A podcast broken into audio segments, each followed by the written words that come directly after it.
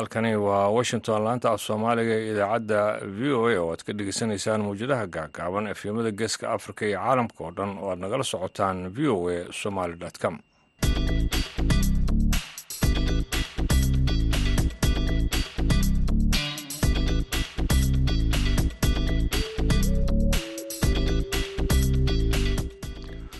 duhur wanaagsan dhegeystayaal dhammaantiinba waa kuwdii barkii duhurnimo xilliga geeska afrika.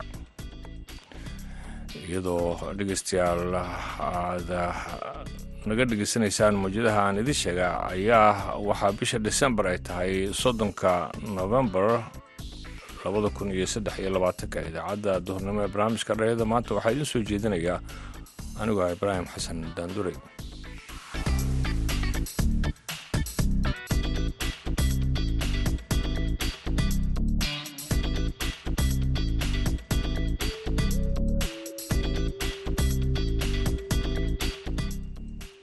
qodobada dhegeystayaal aad ku dhegeysan doontaan barnaamijka dhalinyada maanta. Waxaa ka mid ah urur dhallinyaro oo dhadhaab ka bilaabay wacyigelin la xiriirta xanuunada ka dhasha roobka iyo daadadka. Marka walaalow maadaama daadad badan dhacayn oo ay jiraan fasahaado badan iyo roobabkii ka dhashay marka waxaan si mutadawacnimada shaqooyinkii aan qabanayni ku kordhinay inaan bulshadeenni ka wacgelinno cuduradan dilaaga ah sida cuduradan oo ka dhasha waterbon disease ay dhahaan oo kale. Maxaa yeele kolera hadda suspect of kolera iska jira shuban biyood yar baa hadda iska bilowday. Waxaa kale oo aad dhegeysan doontaan dhallinyaro magaalada qardho looga bilaabay tababar xirfadeed iyo weliba heesihii oo aan barnaamijka marayn heese heshe intaasoo dhan waxaa ka soo horreyn doonaa warkii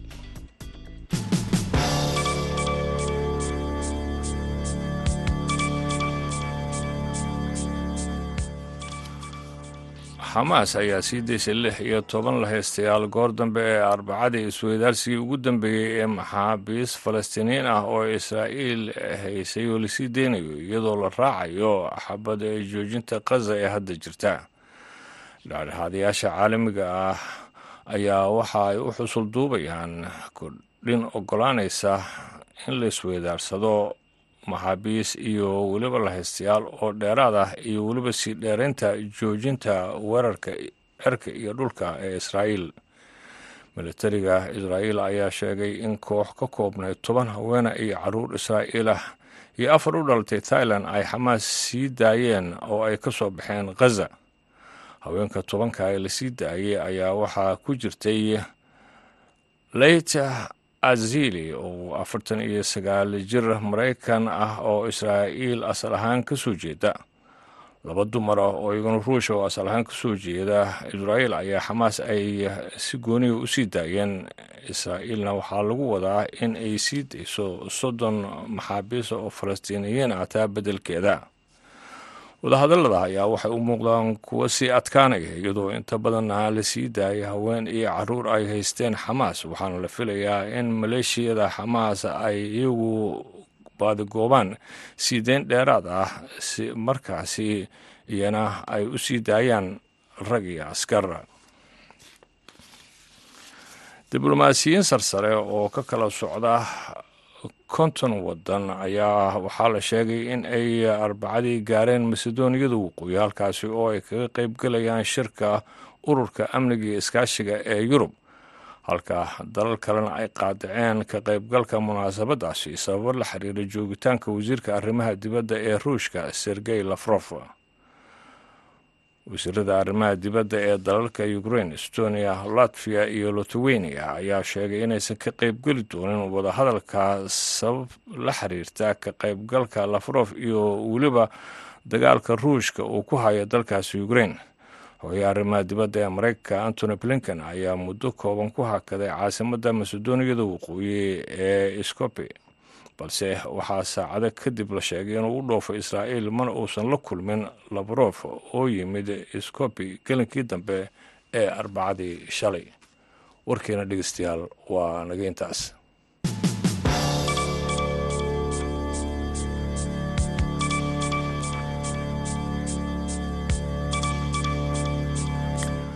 Door wanaagsan ayaan dhegeystayaal idin leeyahay. Urur dhallinyaro ah oo ka shaqeeya arrimaha nadaafadda ayaa xeryaha dhadhaab waxa ay ka bilaabeen ole bulsho oo markaasi looga digayo bulshada. Xanuunada iyagu ka dhasha fatahaadaha roobabka iyo naafad xumida. Faysal aadan cabdi oo agaasimaha ururkaasi ayaa howshaasi waxaa ka wareystay cabdisalaan salas. Waxaan ahay directorka towfiiq solid west management waa c b o urur dhalinyaro ay fikirkeeda lahaayeen asaaskeeda waxayna ka kooban yihiin host communitiga bulshada deegaanka oo aan na martageliyey iyo qaxootiga waaye marka walaalow maadaama daadad badan dhacayn oo ay jiraan fasahaado badan iyo roobabkii ka dhashay marka waxaan si mutadawacnimada shaqooyinkii aan qabanayni ku kordhinay inaan bulshadeenni ka wacgelino cuduradan dilaaga ah sida cuduradan oo ka dhasha waterbon disease ay dhahaan oo kale maxaa yeele cholera hadda suspect of cholera iska jira shuban biyood yar baa hadda iska bilowday. Dysenterio waxaasoo dhan waa waterbon disease. Waxaan biyaha laga qaaday lewa sidaa darteed maadaama dadkii bulshadeena yihiin oo caruurteenni ka mid tahay waxa dhibaatooda ay ku dhacaysa. Annagana aan dadkii publicii healthigi solid west managementigi magaalada control ay xakameynaya haayay.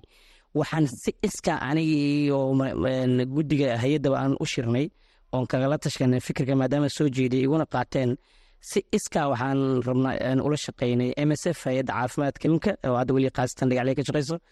Heltaboosyadaan tagnaad bukaankan la hadalnaa. Maxaa yeele meesha keliya on dadku wax ugu sheegi karan wakaas marka waxaan u sheegaynaa faidoorkii baan oga sheekeynaa fariimihii faidoorka hajin promotionkii maadaama keer mar hore ay barnaamijkan ka tagtay xirtay ay ka guurtay xarada oo ay woosho dhan ka lalaabatay biswinna hadda ay biyihii bes ku hartay oo public health promotionkii ay iyadana lacag u waysay annaga maadaama public healthgii ku dhex jiran weli solid wastigi wadana fikirka annagaa la imaanay fariimihii dadka muhiimadda hajin ay u leedahay nadaafadda qofka personal hajin environmental hajin water hajin food hajin waxaan oga shekeynaa iyo muhiimadda ay leedahay gacmo dhaqan waayahay faysal waxaad ka warbixisaa baahida guud ee dhinaca nadaafadda ee ka jirto xerada tandhagaxley aad baa umahadsan tahay baahida guud aad bay u liidataa waxaa jiro daadad saan hore kugu sheegay mar hadduu daad dhacana xitaa qashinkii yaraa la gubaya ma gubmaayo lama xaaqi karo.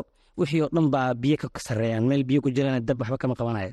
Sidaa awgeed ma haysana haddana wax aan intaan ku jiidno qashinkii ama gaari aan ku saarno magaalada oga bixin karana ma laha. Marka waa garan kartaa dhibaatada ka imaan karta meeshaas. Sidaa awgeed ayaa annaga bulshada oga digaynaa inuusan cudurkaas laga digtoonaada waa tahay maadaama aad tihiin isxilqaantay fariimihiina wacyigelinta maxaad u adeegsataan? Waxaan u isticmaalnaa meelaha ay dadka ku badan yihiin sida goobaha caafimaadka mostly waa goobaha caafimaadka meelaha kale oo laiskugu imaada sida makhaayadaha iyo meelaha kafeteriga lagu caba iyo meel alle meeshii bulshada dadkii stakeholders laga heli karo. Sidaas waxaa kaloon u sheegnaa fariintoon aan rabnay hadda inaan ku bilownay section leaders community leaders si ay noo caawiyaan si iska ah maadaama ayagana mas'uuliyiinta xarooyinka ay yihiin. Hagaag waxaan la soconnaa in roobkii ka dayay xeryaha ay guud ahaan musqulihii inta badan xaafadaha roobka ay saameeyeen ay cagta mariyeen oo dabcan saxaaradii iyo biyihii ay dhexdaadsan yihiin. Arrimahaasi khatar intee laagayaa idinkaga muuqato? Wallaahi arrintaas arrin dhibkeeda la eg waaye.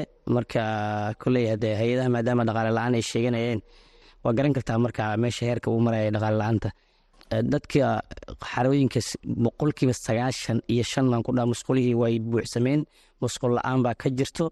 Hadday meel musqul la'aan ka jirtan waad garan kartaa caafimaad darada heerka uu leegiya ka dhalan karta way barakaceen. Iskuuladii waxbarashada ay degeen madarasooyinkii masaajidihii hadda noqotay inay dadka ay galaan ooyahan u noqdaan.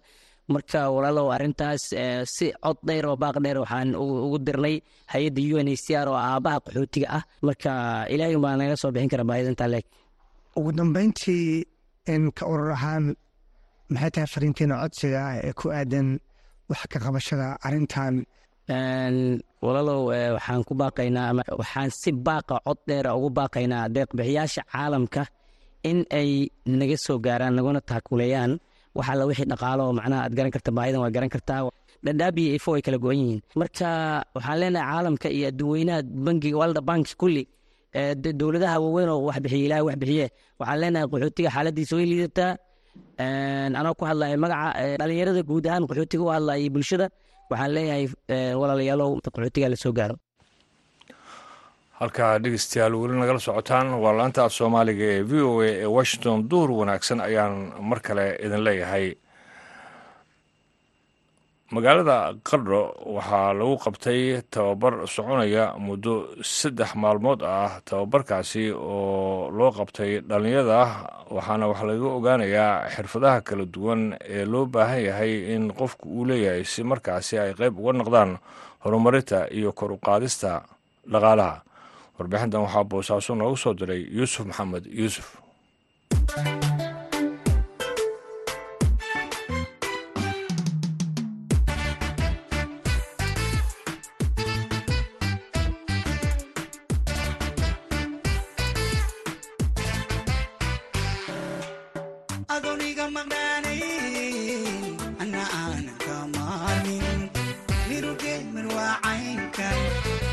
maaha waa caynka. Markii uu dhabtii xaalku noqay uun ismari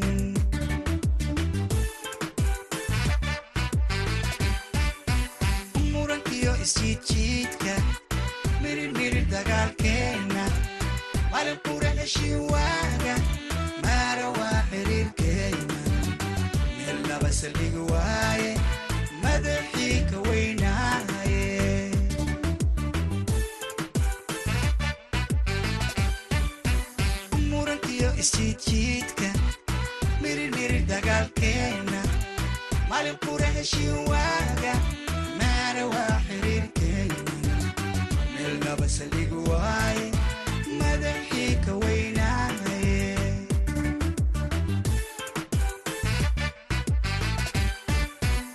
laba daran mido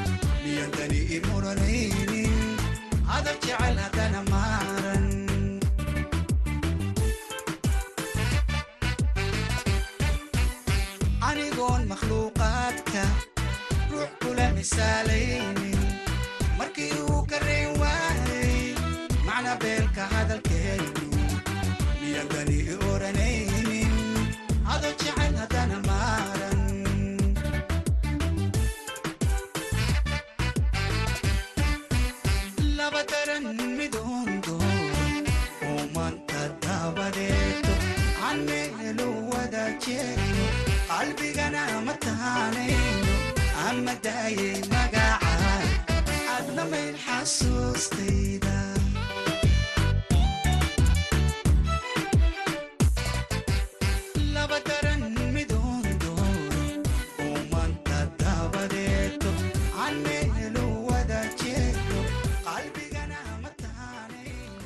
Dhegeystayaal heestaasi laba daran mid dooro ayaan idiin soo horumarnay uu qaadaya cabdicasiis iskaaleji. Haatanna waxaad ku soo dhowaataan magaalada qardho tababar soconaya muddo saddex maalmood ah oo loogu furay koox dhallinyaro ah.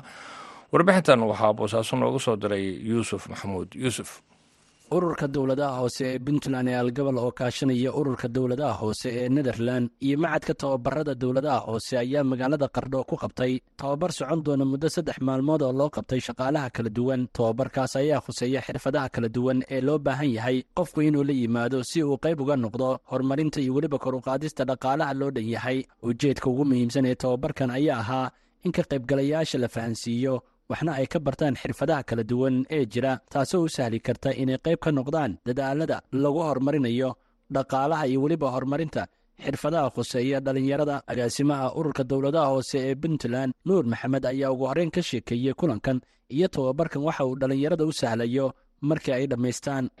Si guud tababarkan sidii aad introductionkii hadda guud aad ku maqlayseen wuxuu xooga saari doonaa mowduuc brogramkanu inta badan uu ka shaqayn doono oo ah in kor loo qaado ama la horumariyo dhaqaalaha loo dhanyahay ee heer degmo. Marka si xildhibaanada golaha deegaanka iyo shaqaalaha dowladda hoose ay qayb uga noqdaan inay wax ku biiriyaan aragtidaas ah in degmadu ay hesho dhaqaalo ku filan oo ay ku maarayn karto mas'uuliyadaheeda waxaan u aragnay inay muhiim tahay in tababarkan aad qayb ka noqotaan oo aad qaadataan aragtidiinnana aad ku dartaan si si wadajir ah ay degmadu ay u gaarto horumar dhaqaale oo heer degmo ah. Brogramkan aanu ka shaqaynaynay oo laga yaabo inaad tababar hore oo aan halkan ku qaban aad ka qayb gasheen wuxuu inta badan xoogga saarayaa in degmadu ay awood u yeelato inay qayb ka noqoto haddii bulshada dhexdeeda oo kale ay ka yimaadaan oo kale. Dowrka aanu ka qaadan karno waxaa weelin kara sidee baa kor loogu qaadi karaa kalsoonida bulshada oo kale inay ku kalsoonaadaan hogaanka iyo shaqaalaha dowladda hoose inay gaarsiin karaan adeegyo ay markaas xaq u leeyihiin ay dowladnimadan xaq ugu leeyihiin inay ka helaan. Marka waxaan rajeynayna insha allah wixii aynu ka tagnana gadaal baan ka buuxin doonaa.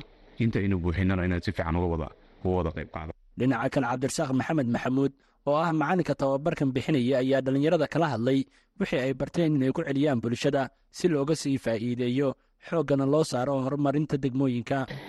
Tababarkan waxaan rabnaa inuu ka soo baxo wax miro leh.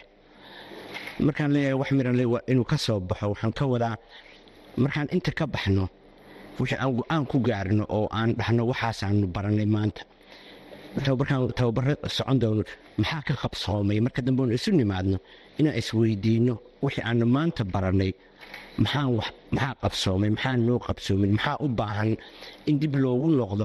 Oo haddana tababar kale aan ka helno oo aan gaabiskii aan daboolno duqa magaalada qardho cabdi siciid qaal ayaa ducdiisa dhallinyarada kala hadlay muhiimadda tababarkan uu leeyahay isagoona sheegay inay xoogga saaraan siday ugu qareemi lahaayeen ganacsatada yaryar ee ku shaqaysta gudaha magaaladaasi. Mawduuca laga hadlaayo oo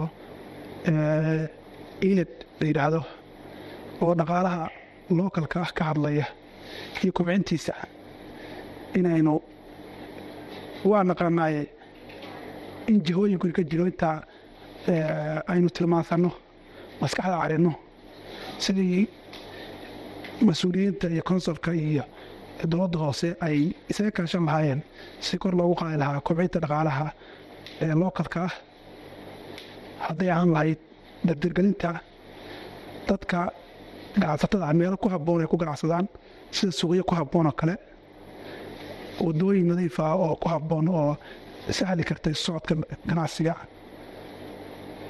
Kicinta dakhliyada dowladda ay leedahay oo hoose si kor loogu qaado hay'ada dowladda hoose dakhliga soo gala si adeeg waafiya u bixin karto. Ka howlgalka ama ka maaraynta shacabka waxyaalaha ganacsigooda khatarta ku ah oo dhibaatada gaarsiiya iyo u qareemidda ganacsatada yaryar oo u baahan kabitaanka dhaqaale in loo sameeyo daban ciwaanada ciwaano kale insha allah waa looga hadli doonaa xubnaha halkaa keennay oo soo xulnay xubno faham badan ka haysta barnaamijkan weeye laakiin waxaan ugu talagalnay in hab isla jaanqaad ah si aan arrintaas wax uga bedelin lahayn inaan maaragtay ka wada shaqayno yuusuf maxamuud v o e boosaaso door wanaagsan ayaan dhegeystayaal mar kale idin leeyahay. Haatanna dhinacii ciyaaraha ku soo dhowaaday maxamuud mascade.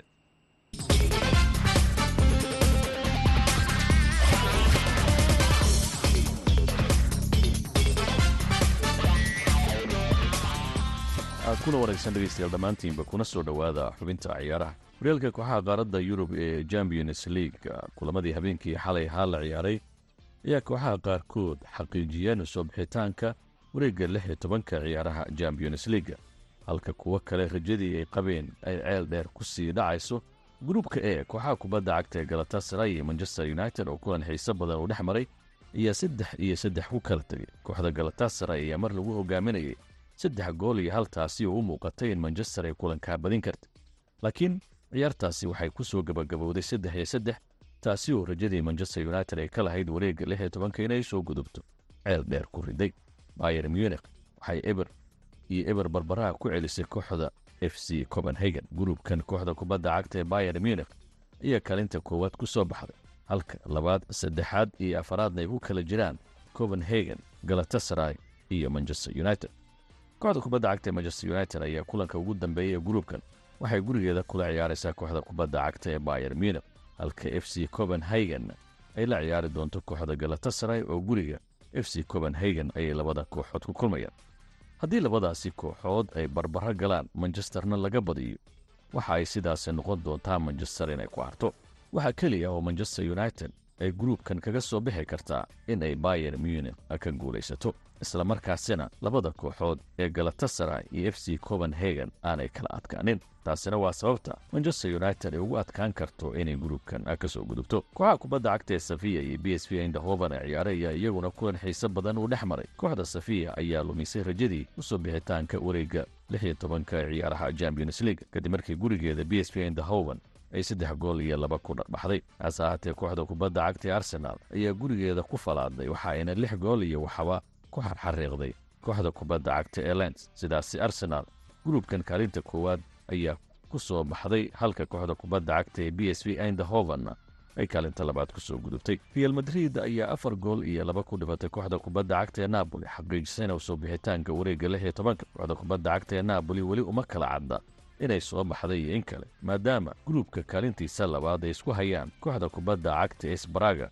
oo iyadu saddex dhibcood oo keliya kooxda kubadda cagta ee naaboli ay ku sarrayso laakiin dhinaca koortirsiga oo ay naaboli ku wanaagsan tahay ayay suuragal ka dhigi kartaa in ay soo bixi karto. Laakiin weli arrintaasi kalama cadda benfica saddex iyo saddex waxay ku celisay kooxda kubadda cagta inter milan halka real sociedadna ee f c zelsba ka badisay gulubkan waxaa soo gudbay kooxaha kubadda cagta inter milan iyo real associedad dhegeystayaal xubinta ciyaaruhuna waa nagintaa tan kulan dambe. Oo mascado idinku dhaafaya sidaa iyo nabadgelyo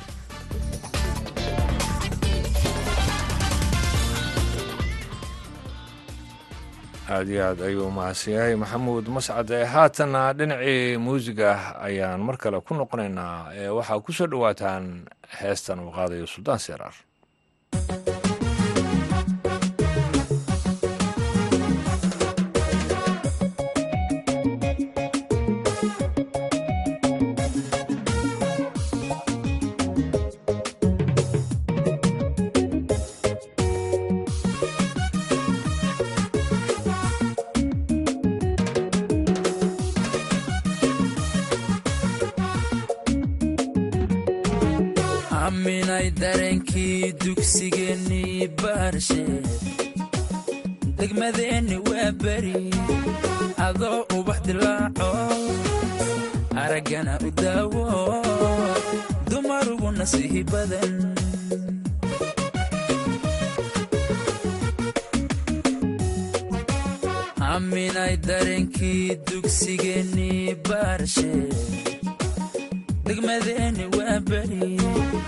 adoo ubax dilaaco araggana u daawo dumar ugu nasiihi badan.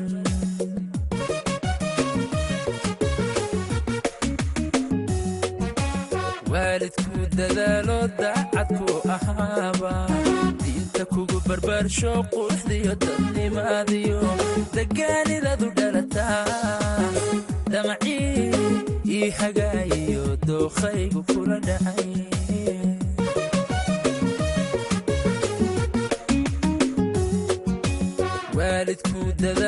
daacadku ahaaba diinta kugu barbaarsho quruxdiyo dadnimaadiyo degaanidadu dhalataa.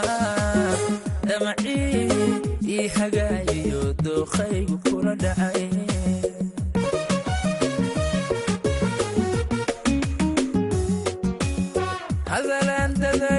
dadayo dibnahaygu diide inaan dibadda keenana degdegu ma fiicne dib u xishada yidhi aminaa dareemiye dadku yay ogaan kale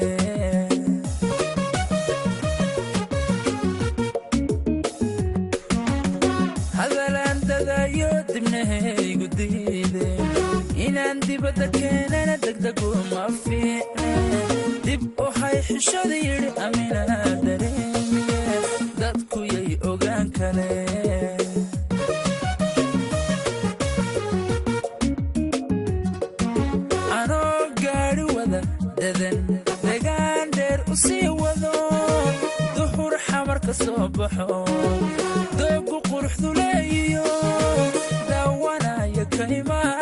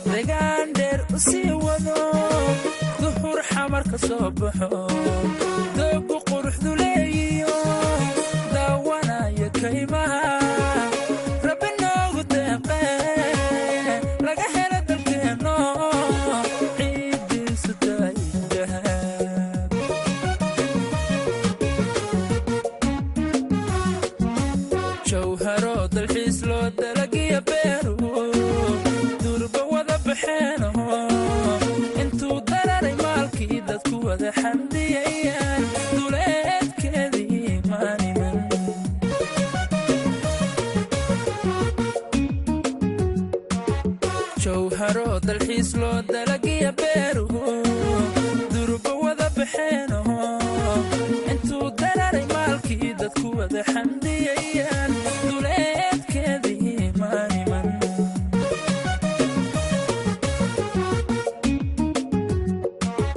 gabadhii ii deeqdo dumar ay wehelinayaan. Intu dadkii xidhay xalay webiga ay dul joogaan. Sawdayma kuma arag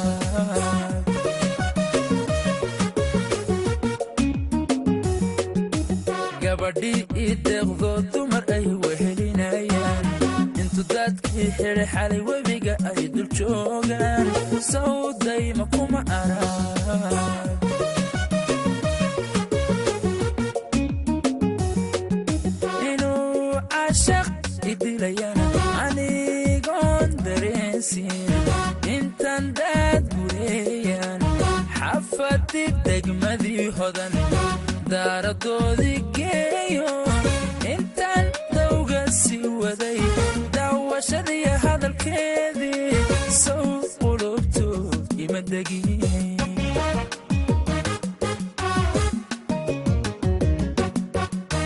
inuu cashaq idilayana